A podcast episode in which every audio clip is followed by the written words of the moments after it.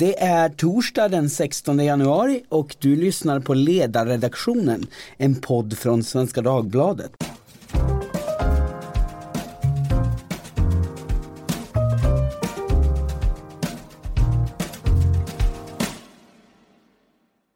Jag heter Jesper Sandström och idag ska vi prata om Vänsterpartiet, vad som väntar för dem nu när partiledaren Jonas Sjöstedt avgår.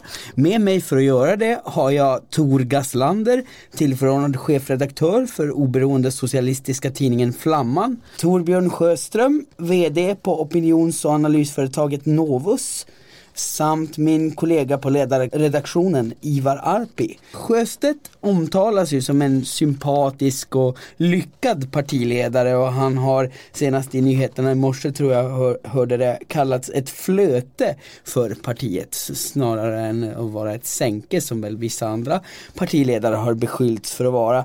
Samtidigt så har han inte nått några jättestora framgångar trots att Vänsterpartiet på sätt och vis borde ha ett guldläge på den politiska spelplanen.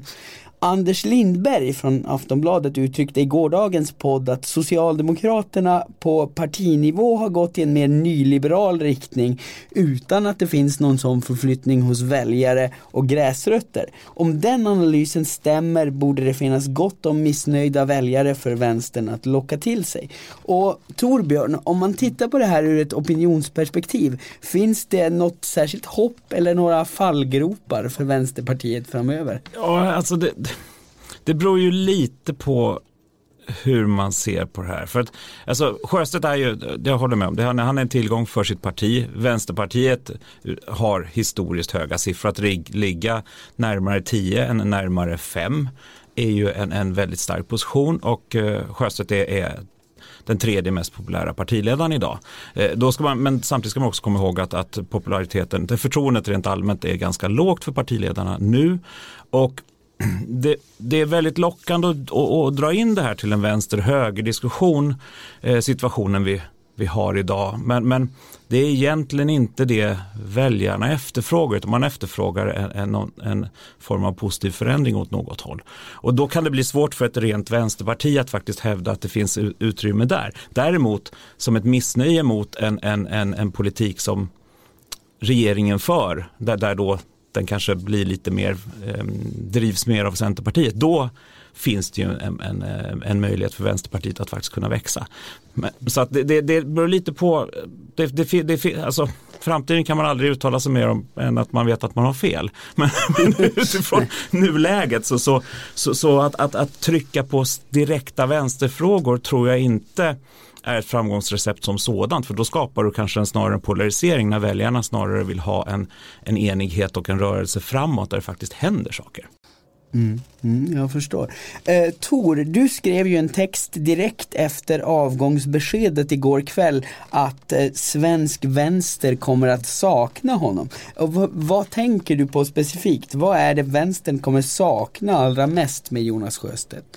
Ja, alltså till att börja med själva Jonas Sjöstedt. Han är ju en väldigt alltså, liksom, en mysig kille. Trevlig och eh, uppskattad kille. Han, eh, han bakar bröd åt eh, sina anställda på kansliet och sådär.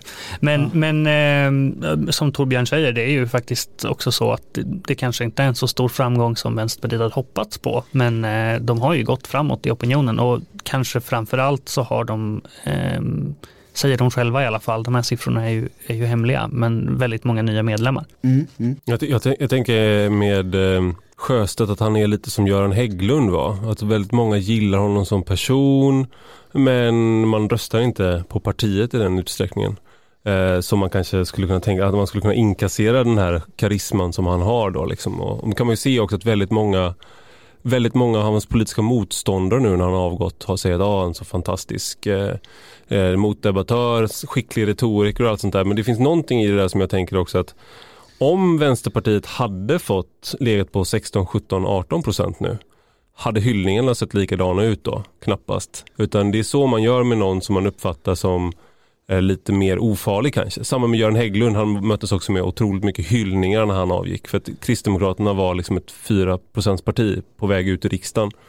Eh, Jimmy Åkesson, eh, om han skulle avgå nu så tror jag inte att hans politiska motståndare har sagt fantastisk medmänniska, baka bröd till sina, alltså sådär, det hade inte varit, det hade inte liksom Fast i det ligger det ju också att, att Jonas Sjöstedt finns det skäl att tro är en rätt god medmänniska medan det finns skäl att tro att Jimmy Åkesson inte är det. Jag, jag, det, jag tror all, alldeles objektivt så tror jag att det här har att göra med också hur mycket av ett hot man upplever mm. att den mm. andra är. Och sen tycker jag också det var intressant med det här med, med att liksom, jag, jag fattar inte varför inte Vänsterpartiet får mer eh, stöd. Alltså jag, med tanke på Socialdemokraternas eh, alltså att de gått åt höger och med tanke på att många sådana här populistpartier som Sverigedemokraterna och om man vill kalla dem det ehm, eh, och Dansk Folkeparti, de har ju har, har ju gått åt vänster, många av dem ute i Europa. Och, alltså att man, man, det finns ju någonting i det här att de här som lämnar Socialdemokraterna för SD,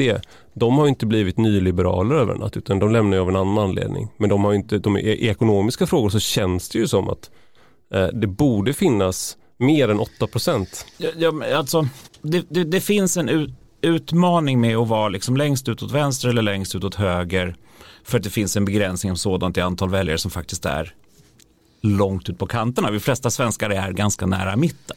Och prata om Sverigedemokraterna då som ett högerparti och försöka placera ut dem långt ut åt höger när, när de flesta väljarna faktiskt är arbetare blir lite retoriskt fel och du skapar en felaktig vänster-höger-dimension som egentligen inte är väljarens huvudprioritering utan vi vill ha det ungefär som det är nu fast lite bättre ekonomiskt. Det gäller nog alla.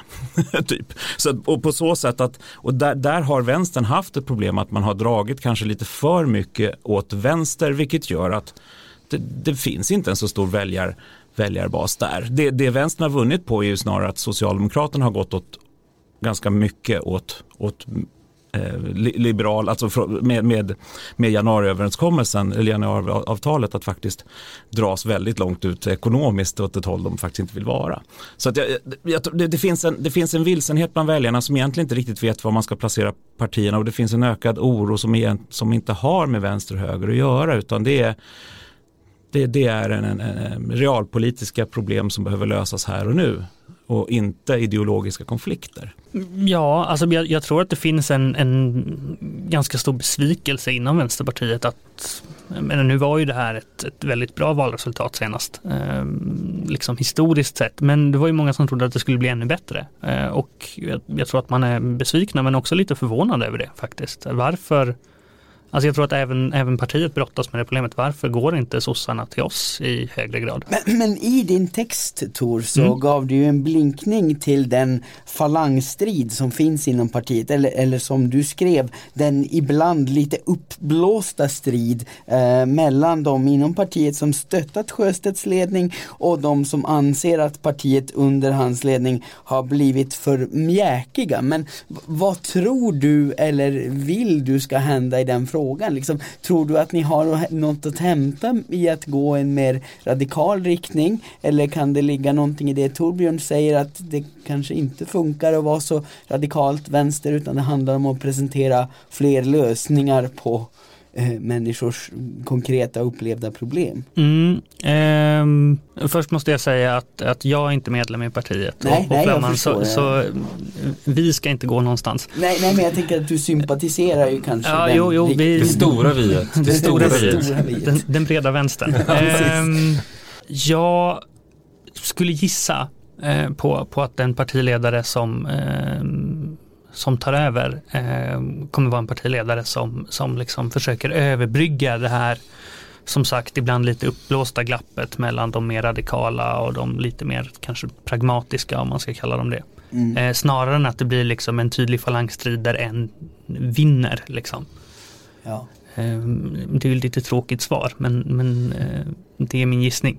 Ja, ja nej men det... Eh, jag, jag, tror också att, att det kommer ha hjälpt eh, de senaste tidens eh, liksom strider med, med socialdemokratin. Att man eh, stoppade eh, förändringen av, av eh, Arbetsförmedlingen. Då framstår man liksom, alltså alla de här som varit sura på att man har eh, släppt fram eh, den här liksom, vad man tycker är en ganska liberal regering. De har också fått liksom lite plåster på såren nu för att man har faktiskt bråkat en del. Torbjörn, om man ser till var väljarna står mm. någonstans, jag, jag tolkar det givet det du har sagt nu att den, den mildhet som Jonas Sjöstedt ibland eh, har fått kritik för, det kan ändå ha funnits en poäng i den för att väljarna är kanske inte så intresserade av jätteradikal vänsterpolitik. Men finns det något särskilt du tror Vänsterpartiet behöver tänka på nu om de vill kunna nå fortsatta framgångar i opinionen med en ny partiledare? det finns ju samtidigt en öppning för,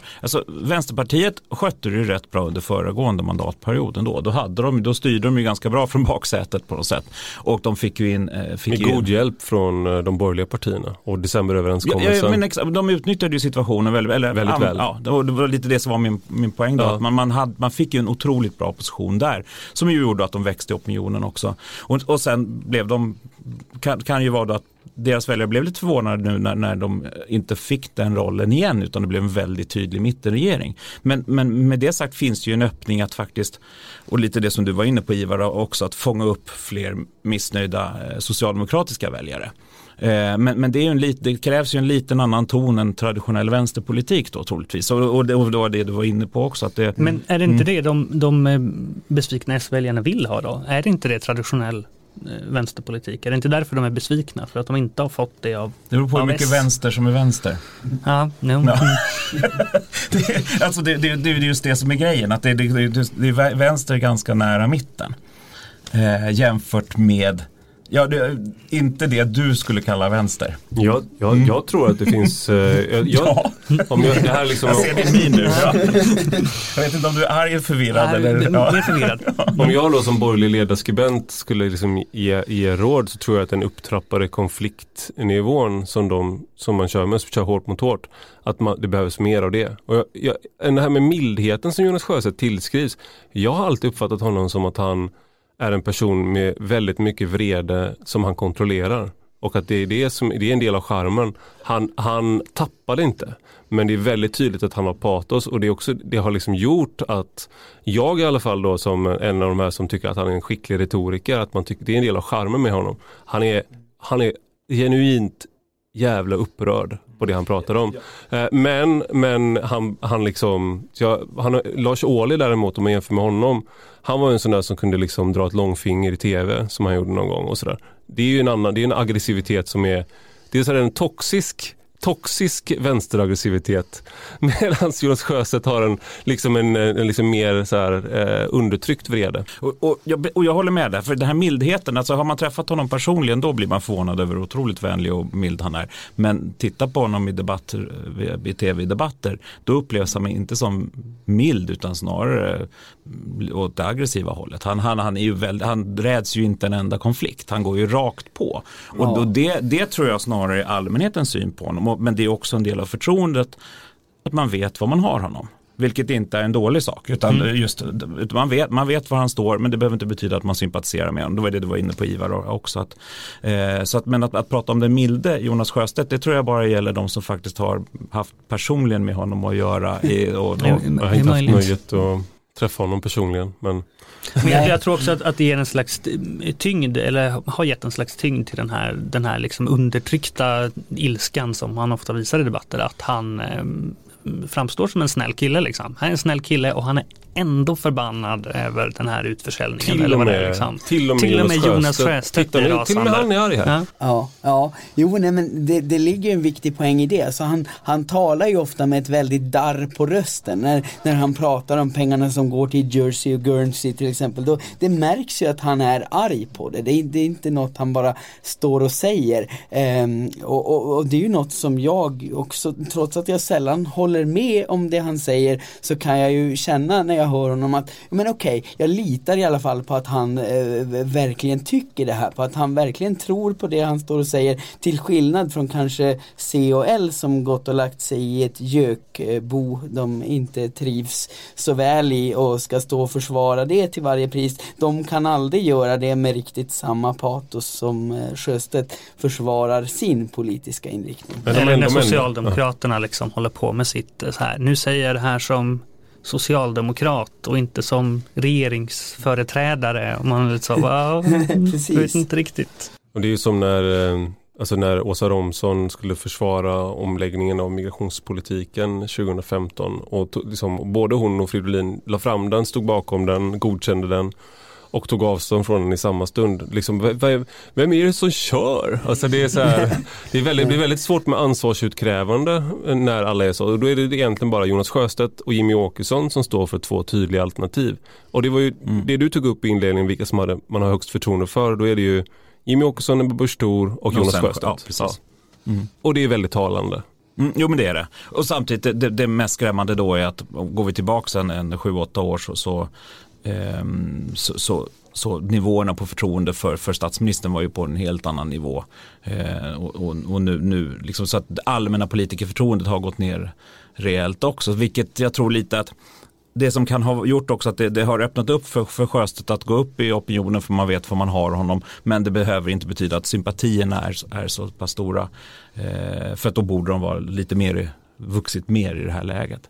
Tor, du avslutar ju din text med att efterträdaren oavsett vem det nu blir åtminstone har en stark grund att stå på eftersom partiet har de bästa opinionssiffrorna på länge. Men vad tror du att det beror på och vad skulle en ny partiledare behöva göra i din mening för att behålla den positionen? Jag tror framför allt, alltså det viktigaste i den här, i den här starka grunden tror jag är de här nya medlemmarna. Eh, alltså det är många fler medlemmar innan. Och eh, jag tror att det är väldigt viktigt att man ser till att eh, organisera och aktivera dem om man vill liksom, mm, få utväxling av det. Det har ju Vänsterpartiet i perioder inte varit jättebra på. Eh, vi har skrivit om det här vid, vid något tillfälle att liksom, många nya medlemmar känner att så här, de, de får inget att göra, de får bara liksom hålla en banderoll. Men är det inte något anakronistiskt med medlemmar? Alltså inte de med till besvär? I, i dagens, alltså jag säger inte att jag tycker det, men jag menar att eh, man kan tjäna på att ha väldigt mycket, som en, en stark partiledning som kan liksom eh, Alltså det, man kan tjäna nästan lika mycket på att folk sympatiserar med en i sociala medier som att de är ute och liksom ja, är med på möten. Ja absolut, men jag menar om man har en massa medlemmar som kan tänka sig att göra grejer alltså, i sociala medier för all del så är det förstås en styrka. Liksom. Eh, men det gäller ju att få dem att göra någonting då och inte bara liksom betala medlemsavgiften. Eh, och där har ju Vänsterpartiet också ehm, eh, i sina, sina planer för framtiden pratat mycket om att man vill liksom bygga, bygga allianser med, med andra rörelser också. Ehm, och liksom få med dem på tåget även om de kanske inte blir medlemmar, liksom klimatrörelsen till exempel. Mm. Tror du att det är en fråga där valet av ledare kommer spela stor roll eller tror du att det är något som partiet liksom behöver jobba med bakom kulisserna oavsett vem som Ja, det tror jag att de kommer behöva jobba med bakom kulisserna oavsett. Men, mm. men jag tror också att vem som blir partiledare eh, spelar ganska stor roll. Alltså mm. Vänsterpartiet har inte så himla mycket eh, medietid sådär rent generellt och, och, det är förstås det lilla de får är förstås väldigt viktigt mm. vem det är. Ja, ja precis. Och, och... kanske mer än liksom de större partierna som kan ha många ja. många företrädare som hinner synas. Ja precis och, och, och, just där har väl Jonas Sjöstedt varit väldigt karismatisk och, och det blir kanske stora skor att fylla. Men när vi i gårdagens podd eh, kort nämnde Vänsterpartiets relativt starka position så menade Aftonbladets Anders Lindberg att det här det är mellanvalssiffror. De, de kommer inte hålla i ett val utan nu är folk lite sura på sossarna liksom så nu demonstrerar de eh, sitt missnöje men det kommer kanske inte att hålla den dag de ska gå till valurnorna. Va, vad tror du om det? Ja, det är väl klart Anders skulle säga det. men, men, alltså, det, det, det ärligaste och raka svaret är att ingen vet för det finns inga regler över varken mellanval eller val. Eh, valrörelsen 2014 har fortfarande inte slutat. Eh, så på så sätt så är det hela havet stormar. Och men det finns ju lite ledtrådar historiskt såklart, fast det behöver inte betyda att det har någonting framåt. Men socialdemokratin har ju ett jättesvårt problem just nu för att de tappar massa väljare och Anders hoppas att de ska vinna tillbaka dem. Vänsterpartiet har vunnit en hel del väljare därifrån. Eh, men men eh, där tror jag liksom det, det kommer stå och falla med partiledare framåt och kanske en, en, en ny definition av vänstern också. För att det är ju det som kommer behövas för att det är en helt annan situation nu än den traditionella vänsterns utmaningar. Eh, I alla fall i väljarnas ögon. Mm. Jag, eh. jag, tänker att det också kommer spela roll vad, vad Socialdemokraterna gör under resten av, av tiden förstås. Men om de fortsätter driva Centerpartiets politik så, så kan man nog räkna med att de fortsätter tappa folk eh, till, till Vänsterpartiet. Även om det inte är några jätteströmmar mm. eh, än så länge. Absolut. Nej, nej, det blir, blir spännande att se om väljarna går till Vänsterpartiet för att de vill ha mer vänsterpolitik eller om de liksom lockas av Sverigedemokraternas folkhemsbygge och Åkessons eh, landsfaderambitioner. Eh, men som sagt, det, det, enda vi vet är att vi inget vet, eh, gissar jag. Om framtiden, viktigt att påpeka. Det här. Eh, är det något särskilt ni vill skicka med till våra lyssnare innan vi avrundar? Något ni tycker att vi har missat att ta upp i det här? Ja, jag tänkte bara det var intressant det här med att Vänsterpartiet inte får så mycket medietid. Det är ju, eh, Sverigedemokraterna har alltid fått mycket medietid, hur små de än har varit, för att man är rädd för dem. Men det här med liksom att man jämställer Vänsterpartiet och Sverigedemokraterna, ett tecken på att det är, att det är bullshit, att det är bara en, liksom en talepunkt, är att ingen är rädd för Vänsterpartiet. Så därför får de inte den här, de här, liksom, de här, den här uppmärksamheten som SD har fått. Ja, fast det är inte bara det heller, utan man, man, man vet var man har eh, Sverigedemokraterna i aktuella känsliga frågor just nu, alltså invandringsfrågan, där deras positionering gjorde att de hela tiden var intressanta. Mm. Eh, och där, där är inte vänstern. Nej. Eh, så att det, det är snarare där som gör att liksom, ja, invandring, oj men då har vi SD, vilka mer ska vi ha? Mm. Men, att, men, samtidigt när vi hade det här valet med, med vinster i välfärden-valet mm. så, så funkade det ändå inte riktigt för, för vänstern. Det blev ju ingen jätteuppgång fast det var liksom, jag gör nu citattecken i luften mm. som ni inte ser i podden, eh, deras fråga. Mm. Mm, men det var ju en väldigt krånglig fråga för alla inblandade parter. Det, ja, ja, du kan ju vara ideologiskt för eller emot det för att du vill inte bli lurad. Det var ju ingen, det är ju ingen på vänster eller höger som blir, lurad på skattepengar om att de går till skatteparadis. Men det var ju egentligen inte det som var kärnan i frågan. Det... jag tror ändå att jag, tycker, jag, jag, jag, jag förstår inte varför de inte fick mer ut, utväxling på det. Det, det såg jag tyckte att det såg ut som en bra analys av varför, att man skulle få mer utväxling på det. Mm, mm, jo, det, det men var det många som trodde. Ja, men man vill ha valfrihet om man är van vid valfriheten också. Så att det här, det här är, det, det, det är motstridiga eh, känslor hos väljarna i den här frågan. För valfriheten är man så pass van vid just nu eh, så att man tar den för givet. Mm, och, och sen kanske man även om man har starka känslor inför uh, vinster i välfärden och kanske lockades av Sjöstedts starr på rösten om Jersey och Guernsey så kanske man inte tyckte att det var värt att lägga sin röst på Vänsterpartiet Nej. för. Man tyckte inte att frågan var så akut mm. så att det var värt att gå till mm. vänstern för man kanske mm. tycker att de är för radikala i andra frågor. Ja, bra, bra poäng, Socialdemokraterna ville ju också eh, Typ. Förbjud. Ja, Kanske. Ja, ja men de, det, var ju den, det var ju den signalen ja. de gav och LO. Så, så att precis, det var, det var vänstern ägde inte den frågan. Sen drev de den frågan. Mm. Mm. Så det, det, har, det, är nog en del i, i sanningen men, Men det är intressant det du säger med, med att eh, man inte är rädd för Vänsterpartiet. Eh, nu, nu, tog jag över och började ställa frågor istället. men tror du att det kan förändras om, om man fortsätter hålla på så här liksom och, och hota regeringen? Jag, jag tror att det är ett väldigt bra sätt för Vänsterpartiet att, eh, att hålla sig aktuella nu med, alltså det, de tjänar, tjänar, inte på att vara helt uteslutna för allt inflytande. Och den här konflikten, de har bevisligen hela tiden kan de driva regeringen framför sig. Och just nu skulle jag säga att det finns en, inte en vänstervåg så, men det finns i alla fall när du har Moderaterna och Vänsterpartiet tillsammans vill få in mer pengar till välfärden. Det är inte högerpolitik då. Eh, utan det, det, nu, så, att, så som verkligheten ser ut just nu så är det att kommunen och landsting behöver mer pengar det är en, det är, det, då är du inne på vänsterns eh, eh, område. Så det, mm. det finns ju en möjlighet här skulle jag säga. Ja, Ja, det blir spännande att se vad som händer, se om vi får mer samarbete mellan Moderaterna och Vänsterpartiet. Eh, jag är ju född och uppvuxen i en kommun där de faktiskt eh, från och med förra valet 2014 eh, samregerade Moderaterna och Vänsterpartiet. Så det kanske kan hända även på riksplanet. Ingenting är omöjligt som man brukar säga. Nej, men vissa saker är ganska otroliga. Ja, ja, ja det får jag tillstå. Mm. Att det, det, otroligt. Otroligt. Ja, Eh, Eh, men med det så säger jag stort tack till dagens gäster Tor Gaslander, tillförordnad chefredaktör på Flamman och Torbjörn Sjöström, VD på Novus. Vi sätter punkt för idag men hör gärna av er med frågor, synpunkter och intressanta ämnen genom att skicka ett mejl till ledarredaktionen svd.se.